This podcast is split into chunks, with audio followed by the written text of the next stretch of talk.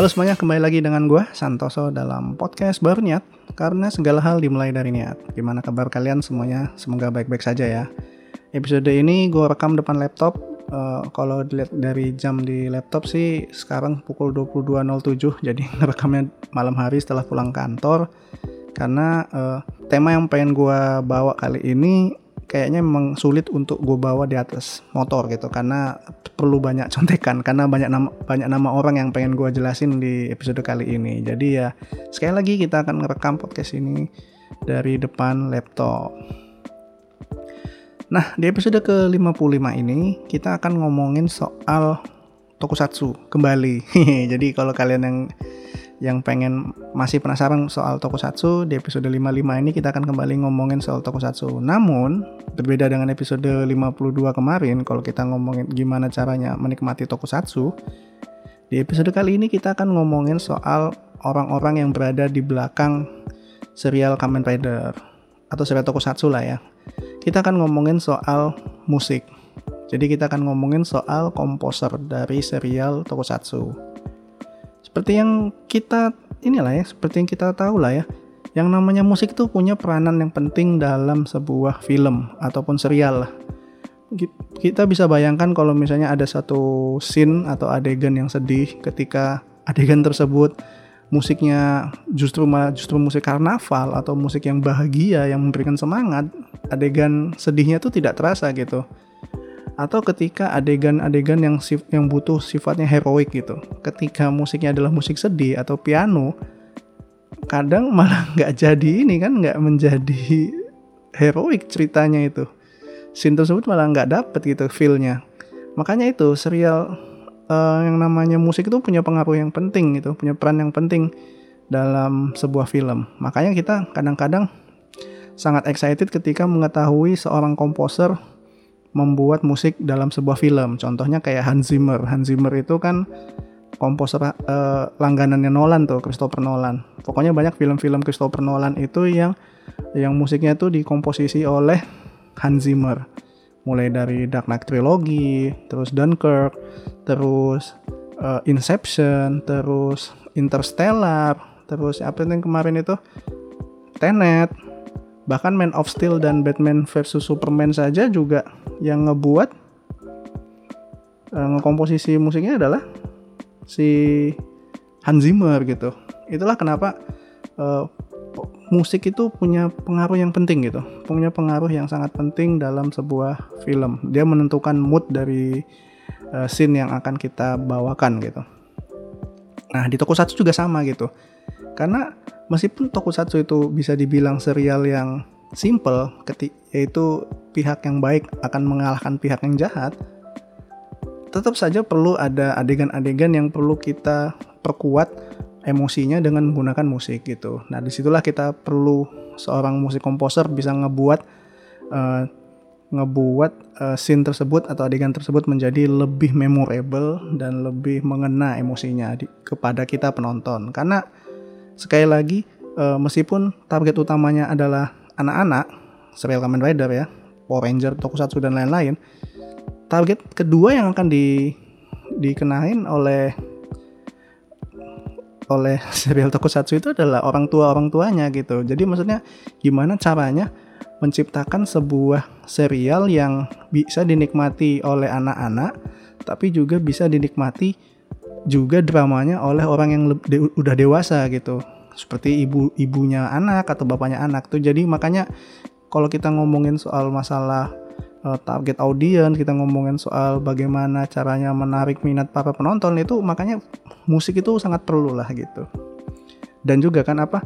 Karena ini berdasarkan dari drama kayak kabuki kan namanya drama-drama itu kan selalu ada yang namanya musik latar belakang yang memberikan uh, penguatan pada jalan cerita seperti itu. Nah, di episode kali ini kita akan ngomongin uh, komposer tadi.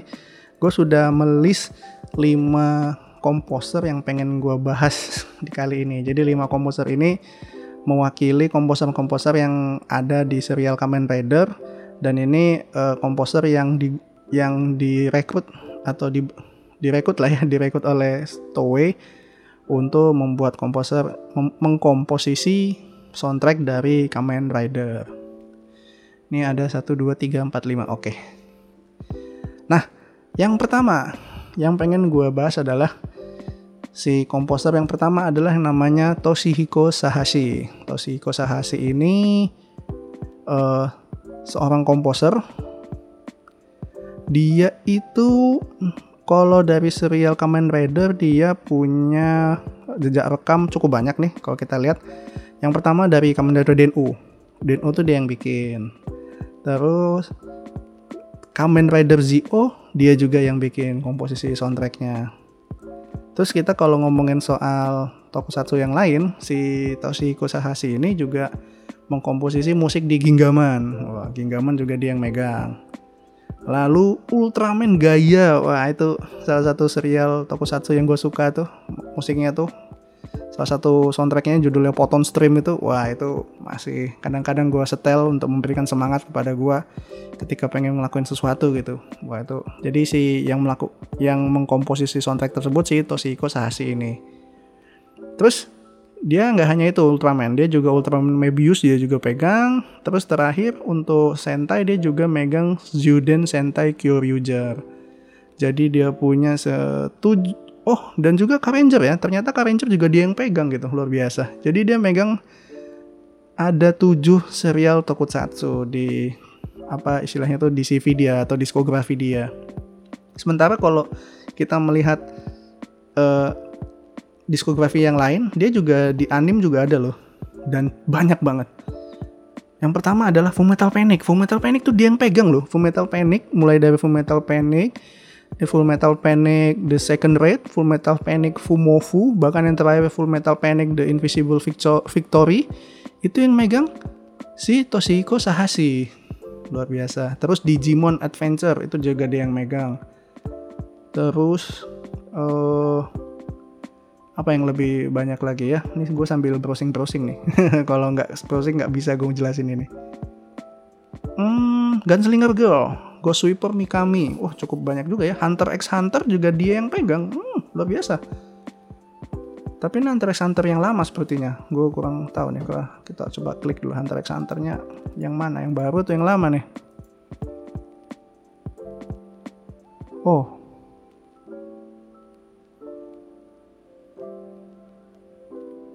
Dua ribu sembilan. Oh berarti baru nih. Oh Hunter x Hunter baru dia juga yang bikin. Wow luar biasa itu. Yang bikin apa itu? Yang theme songnya yang ketika Nero ngalahin si semut itu. Wah itu dia juga yang bikin ternyata ya. Luar biasa.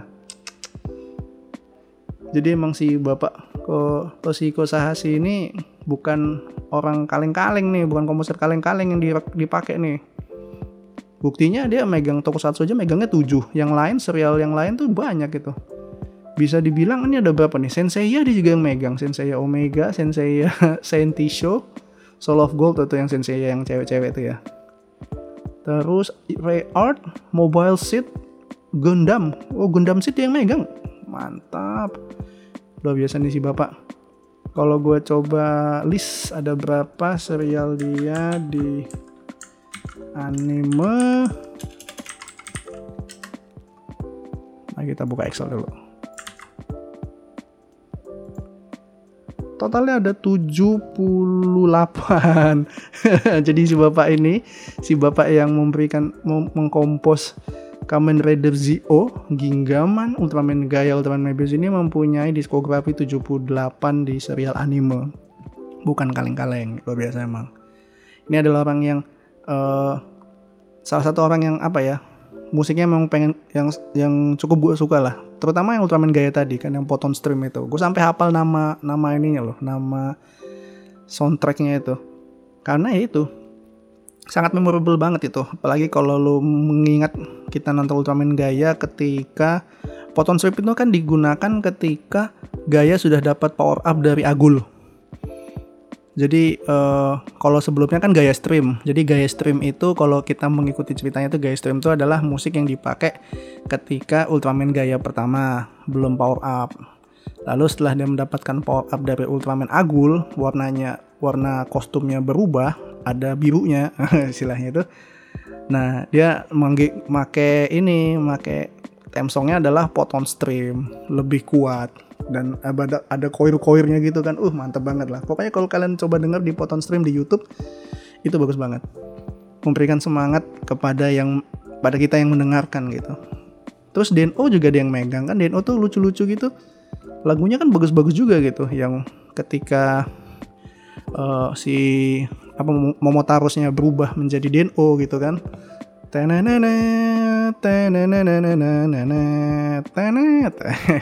itu sepotong aja karena suara gue jelek. Ya itu yang megang juga bikin Toshiko Sahashi. Jadi si bapak ini memang luar biasa. Ini adalah orang nomor satu yang pengen gue bahas. Kalau umur 1959 11 12 oh, berarti cukup tua beliau. Ini udah pasti tim lah ya kalau udah seperti ini. Dia tinggalnya di Tokyo. Oke itu nomor satu. Ini si bapak ini emang luar biasa yang kedua orang yang pengen gue kenalin ke kalian soal komposer tokusatsu. Yang kedua adalah Kosuke Yamashita. Kosuke Yamashita ini berbeda dengan Pak Toshihiko Sahashi. Ini lebih muda umurnya dia lahir tahun 74 217 wah bareng sama temen gue tinggalnya di Shizuoka Jepang. Uh -uh. Kalau dia sendiri untuk Kamen Rider atau Tokusatsu dia megang 1 2 3 4 5 uh cukup lumayan ya. Dia megang Gokaiger dia Gokaiger dia yang bikin komposisi musiknya. Kaizoku Sentai Kaizoku Sentai Gokaiger the movie. Itu dia juga. Kamen Rider Gaim. Oh itu yang yang itu apa ya teto teto teto teto ya itu lah pokoknya salah satu yang gue inget ya itu Kamen Gaim. Itu dia juga yang bikin. Kamen Saber juga dia yang bikin yang terakhir itu. Wah itu lumayan kok itu uh, soundtracknya. Dan baru saja rilis kalau nggak salah Kamen Rider uh, Saber soundtrack. Jadi kalau kalian mencari di YouTube atau di Spotify mungkin sudah ada gitu soundtracknya. Yang bagus tuh salah satunya yang gue suka dengerin tuh adalah Kamen Rider Blades. Temnya itu. Itu bagus itu. Sama tentu saja ininya apa uh, insert songnya. Itu bagus itu. Terus dia selain Kamen Rider Saber, game Gaim dia juga kalau Sentai itu Mahou Sentai Magic Ranger. Magic Ranger dia juga yang pegang. Jadi oh dia punya jejak rekam dua Kokaiger sama Magic Ranger, Sentai uh, untuk Sokusatsu Kamen Rider dia pegang dua. Tapi itu baru ngomongin soal Tokusatsu. Gimana soal rekam dia non Tokusatsu? Dia megang ada 20. Luar biasa banyak ya. Hah, bener nih 20? Iya bener 20. 20. 20. Jadi yang kalau tadi kan 78 ya, kalau ini 20. Cukup banyak dan beberapa karyanya yang yang bisa kita dengarkan. Pertama ini uh, Cihaya Furu. Cihaya Furu dia yang bikin season 1 season 2 season 3 dia yang bikin Digimon Crossword dia yang bikin. Terus uh, Hanayori Dango live action tahun 2005 dia yang bikin. Digimon Fusion dia yang bikin.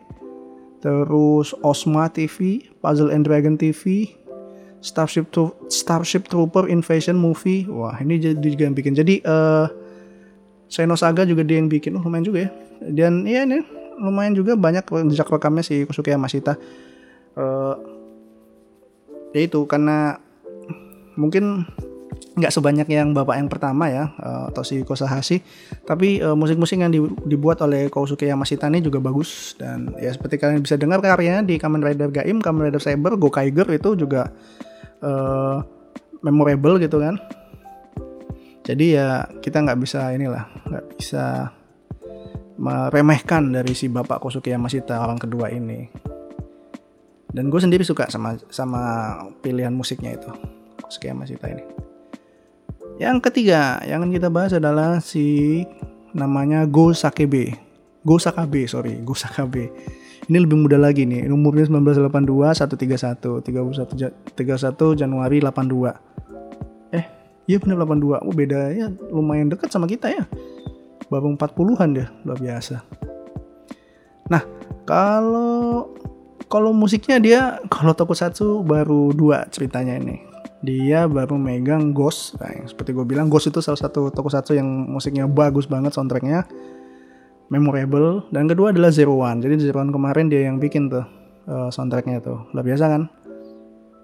Terus kalau untuk serial non tokunya dia ada 28 oh cukup banyak. Dan beberapa yang kita bisa kita dengarkan Basilis dia nonton eh, dia yang nonton dia yang menyusun Sitting Craft. Uh, Dead Alive Dead Alive season 1 sampai season 4 dia yang bikin. Lalu Digimon Adventure 3 oh dia juga yang bikin ya. Luar biasa. 1 2 3 4 5 6 dia semua yang pegang lalu Zero no Sukaima itu dia yang megang First Love Monster, Forest of Piano, Piano no Mori ya. Uh, dia juga yang bikin luar biasa. Ini kan bagus banget nih Piano no Mori nih. Lalu Gosik, ah Gosik. Gue juga pernah nonton Gosik. Gue kijau bang Dead Life, Dead Life tadi udah. Uh, eh, LBX Girl, gue belum pernah nonton sih itu. Uh, Strike Witch, dia yang megang juga. Dan Wolf Girl and Black Prince. Oh ini kayaknya bukannya game ya. Oh gue lupa sih. World Break, Area of Curse of Holy Swordsman. Oh ini belum pernah dengar sih. Tapi yang yang pernah gue dengar tuh Gosik, Gosik tuh bagus. Kusin, uh, Piano No More ini bagus juga nih.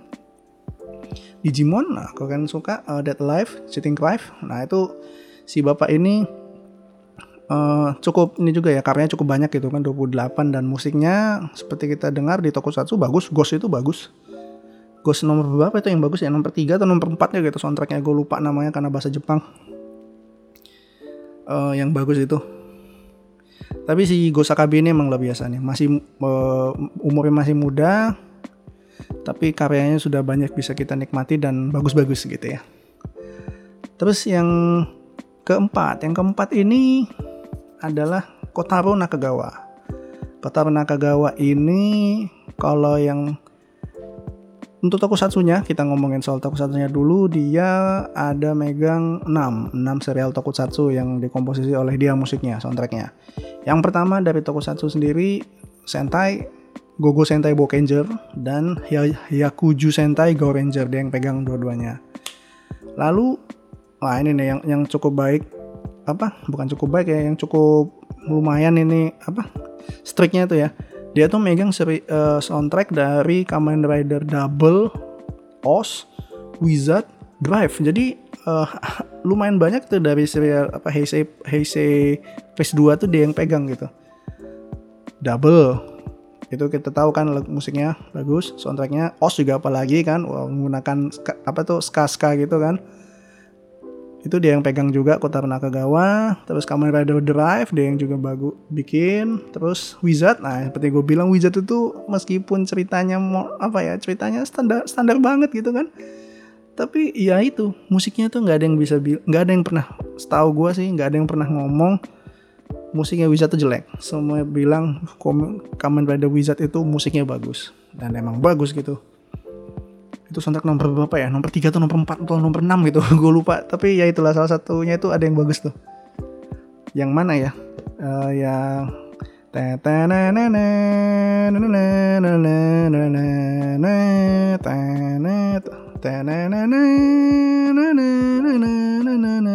itulah itu pokoknya salah satu yang gue suka dari Kamen Wizard itu gue inget uh, dari dari soundtracknya gitu musiknya Terus dia untuk non non ini non tokusatsunya. Oh, jai banyak.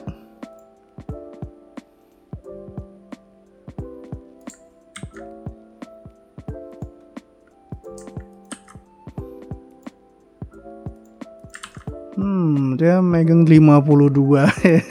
Wah, bukan kaleng-kaleng nih.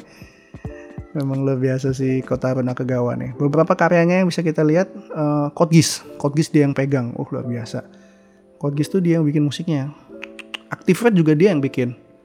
Uh, mantap. Arge Fallen itu lumayan juga kalau saya tuh tokusatsu juga kan tuh. Arge Fallen tuh robot kan tuh. Uh, apa lagi nih? Cross Game gue belum pernah nonton. Digimon Universe uh, Gosik, oh dia juga bantu juga bikin ya. Gun X Sword itu kan mecha juga nggak salah kan. Terus Wah ini namanya Mecha banget deh. Gokujo Mecha Mote Incho. dia juga bikin. Hayate The Combat Battler. Oh dia yang bikin. Oh ya ampun gue baru tahu. Dikit. Oh dia dikit dia juga bikin. Ini tapi kok nggak di ini ya. Tidak dicantumkan sebagai tokusatsu kredit ya. Apakah karena Diket bukan bukan bukan tokusatsu? Hmm. Tapi dia masuk sebagai soundtracknya Diket juga tuh yang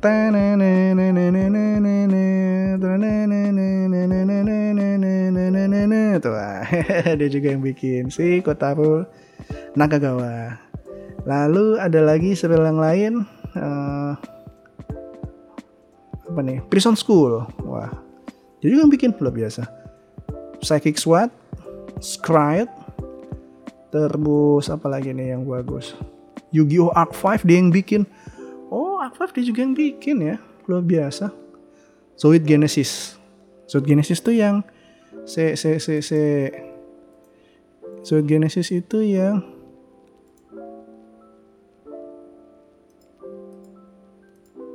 Oh, bukan, bukan yang itu. Sweet Karen Children dia juga yang bikin. Hmm, lumayan banyak nih. Tapi ya kita melihat uh, kredit ini ya, kredit untuk diskografinya untuk no, non tokusatsu ada 52 luar biasa nih. Dia juga orang hebat ini.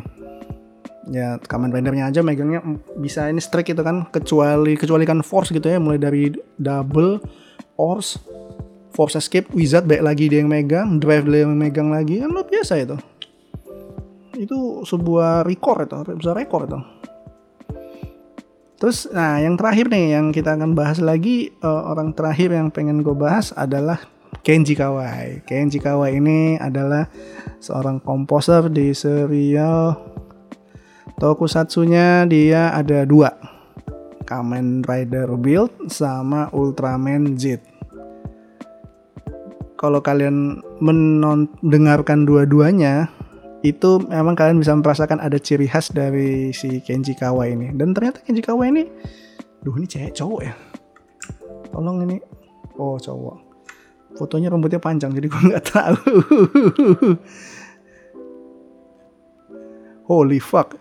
Oke kita akan ngomongin uh, serial dari dari tokusatsunya dulu aja ya. Dari tokusatsu. Untuk Kamen Ridernya dia punya kami ada build tadi gue bilang Ultraman Z. Oke okay, memang coba cuman cuman dua. Tapi kalau kita melihat dari uh, karya dia maksudnya kredit dia di non anim non anim kredit maksudnya selain dia di tokusatsu dan anime dia juga menjadi uh, komposer musik dari uh, salah satu yang terkenal itu adalah hmm IP Man, IP Man dia yang bikin, IP Man sama IP Man sama IP Man 2 dia yang pegang coba. Uh, luar biasa. Ini luar biasa nih si bapak ini. Samurai. Oh, dia juga Seven Sword, Talking Head, Unlove, Original music composer by For Apocalypse, Let Guerre Mondiale Dokumentari Saga 2009. Wah, dia juga yang bikin coy. Ini kalau nggak salah udah pernah dengar ini karyanya di YouTube nih. Ada nih kalau nggak salah. Nah, tadi itu karya dia di uh, di luar anime ya. Nah, kalau kita kita list animenya, wah ini nggak kalah banyaknya dengan yang bapak yang pertama nih. Dan dia jumlahnya adalah uh lebih banyak 156 luar biasa Pak Kenji Kawai. Jadi meskipun dia uh, istilahnya tuh baru pemula di membuat apa membuat mengkompos musik tokusatsu gitu kan baru dua dari serial Kamen Rider Build dan Kamen Ultraman Jet gitu dan kalau kalian tahu Ultraman Jet sama Kamen Rider Build itu ini loh uh, rilis di tahun yang sama. Jadi si bapak ini megang dua musik dalam satu tahun gitu. Tapi ya lo biasa emang.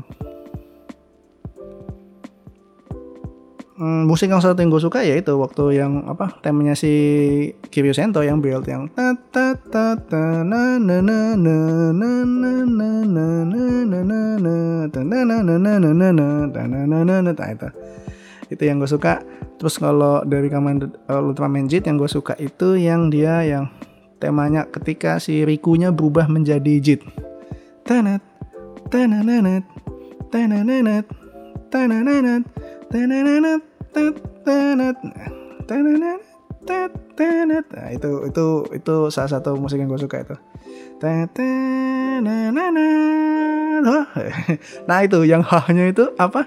Jadi beberapa musiknya itu pakai ini ya pakai ada choir yang hah itu bisa kita juga dengarkan di salah satu karyanya yaitu mob, apa Mobile Suit Gundam Double O. Itu dia juga yang bikin gitu. Jadi apa ya ada sedikit kemiripan dari gaya musiknya di Gundam Double O sama Ultraman Z ya wajar aja sih orangnya sama gitu kan. Jadi ya mungkin ciri khas dia dia mengeluarkan ciri khas yang sama gitu untuk musik-musik yang dia keluarkan gitu. Kalau tadi kita melihat dari 158 musik 158 kredit di filmnya itu beberapa yang sudah gue sebutkan tadi kan uh, Gundam. Gundam dia yang pegang. Gundam Gundam dia yang pegang Gundam Double O ya. Terus Fat Stay Night yang Fast yang pertama so nggak singkat gue nih. Iya Fast yang pertama nih. Fast yang pertama dia yang pegang. Itu Fast yang pertama tuh bagus loh soundtracknya itu nggak jangan jangan jangan dianggap jel, dianggap jelek loh. Fast yang pertama itu meskipun banyak orang yang nggak suka dengan apa ya dengan mukanya gitu kan nggak nggak cantik gitu. Karena orang selalu membandingkannya dengan Fat Zero gitu tapi Fat Stanley yang pertama itu bener-bener apa ya uh, bukan bener-bener ya istilahnya itu mengadap adaptasi dari game ke animnya tuh bagus.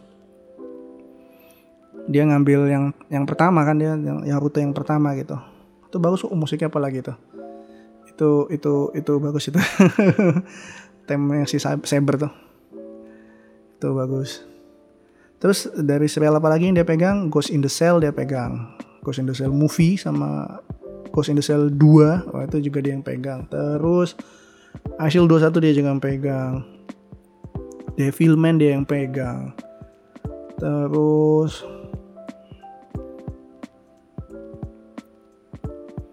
Double O 9 Double O 9 Recyborg movie. Wah ini movie dia yang bikinnya juga ya luar biasa Dead Not live action movie wah ini gue pernah nonton nih oh, live action pertama kayaknya nih ya Nih juga dia yang pegang ternyata terus Guns, Guns yang live action dia yang pegang.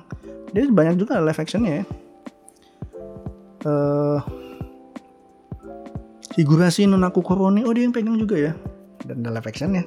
Eh, pasti jelek. Ini aku Koroni loh. Oh, ini Higurashi ya. Bukan Umineko ya. Oh, movie-nya dia juga. Eh, bukan. pun yang baru Higurashi yang baru juga dia yang megang tuh si Kenji Kawai ini luar biasa makanya emang karena ini ya melanjutkan proyek dia yang sebelumnya kan Higurashi yang lama live, live action dia yang megang OAV-nya juga dia yang bikin. Oh, emang dari awal semua dia yang pegang itu Higurashi itu. Jadi luar biasa nih Pak Kenji Kawai ini. Terus dia apa lagi nih? Hmm,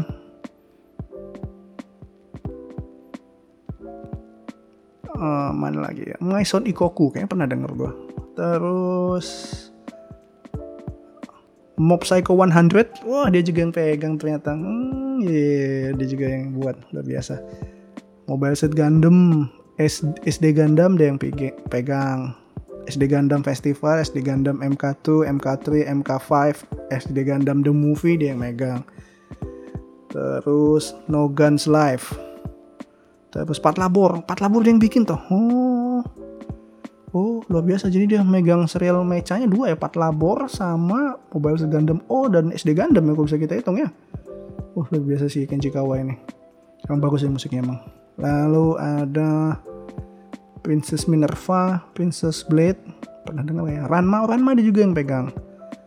Resident Evil Vendetta dia yang pegang. Rev Master TV oh dia juga bikin ya. Samurai pizza cat dia juga yang pegang. Ring ring ini ringu yang pertama ya? Wah kita lihat dulu nih.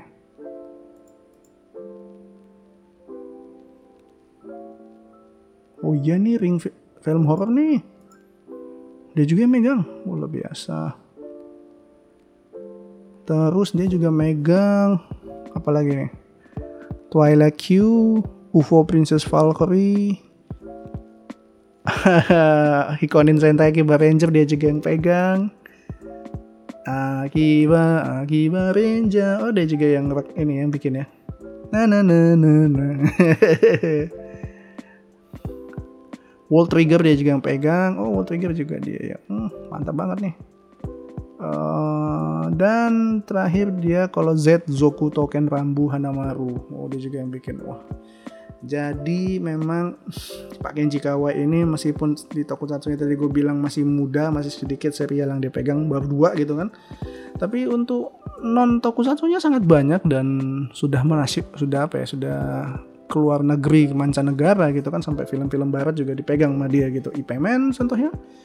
Terus kayak yang dokumentasi tentang apokalips tadi yang tentang perang dunia itu dia juga yang bikin. Luar biasa emang. Pak Kenji Kawai itu. Jadi bisa dibilang gini, uh, yang namanya komposer di Tokusatsu itu bukanlah komposer-komposer yang asal aja gitu dipilih gitu. Ada ala, uh, uh, bukan ada alasan ya, maksudnya to Toei sendiri juga memilih komposer itu yang yang bagus gitu. Meskipun uh, orang banyak menganggap remeh karena ini adalah serial mingguan, jadi budgetnya nggak banyak, terus musik yang dipakai juga ya asal aja gitu. Yang penting ada musik gitu kan.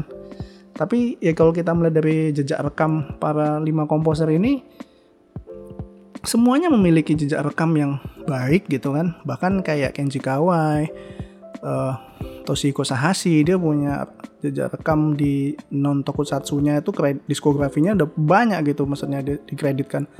Jadi memang orang-orang hebat semua yang dijadikan uh, komposer dalam serial tokusatsu gitu. Jadi jangan menganggap karena ini serial anak-anak. Nah, serial anak-anak terus ya cuman jualan mainan terus dianggap semuanya uh, tidak ada yang serius gitu. Jangan salah ngebuat serial anak-anak tuh juga butuh keseriusan yang luar biasa loh. Kayak stuntman itu nah, nanti kita akan ngomongin stuntman di episode yang episode selanjutnya. Itu perannya sangat penting loh itu. Bisa ngebuat lu tokoh karakter lu tuh bisa terbang-terbang salto-salto bisa pose tendangan-tendangannya itu rider kicknya gitu butuh uh, kolaborasi dan teknik yang enggak nggak main-main itu salah mati bisa itu. Loncat dari gedung apalagi zaman dulu tuh pernah gue ini bocoran aja sih uh, siapa itu Kenji Pak Gaban itu Pak Gaban itu pernah cerita dia tuh zaman dulu itu namanya apa namanya itu stun itu gila-gila loncat dari atas gedung tuh beneran loncat dari atas gedung gitu. Nggak pakai CG kalau sekarang kan sudah lumayan dibantu lah dengan CG tapi zaman dulu ketika teknologi itu tidak uh, sampai sampai dengan itu dan dan sangat mahal saat itu mungkin gue pikir juga salah satu faktornya itu. Jadi ya bener-bener stand itu bener-bener loncat dari atas gedung ya loncat dari atas gedung itu. Loncat dari bukit ya loncat bukit lah gitu.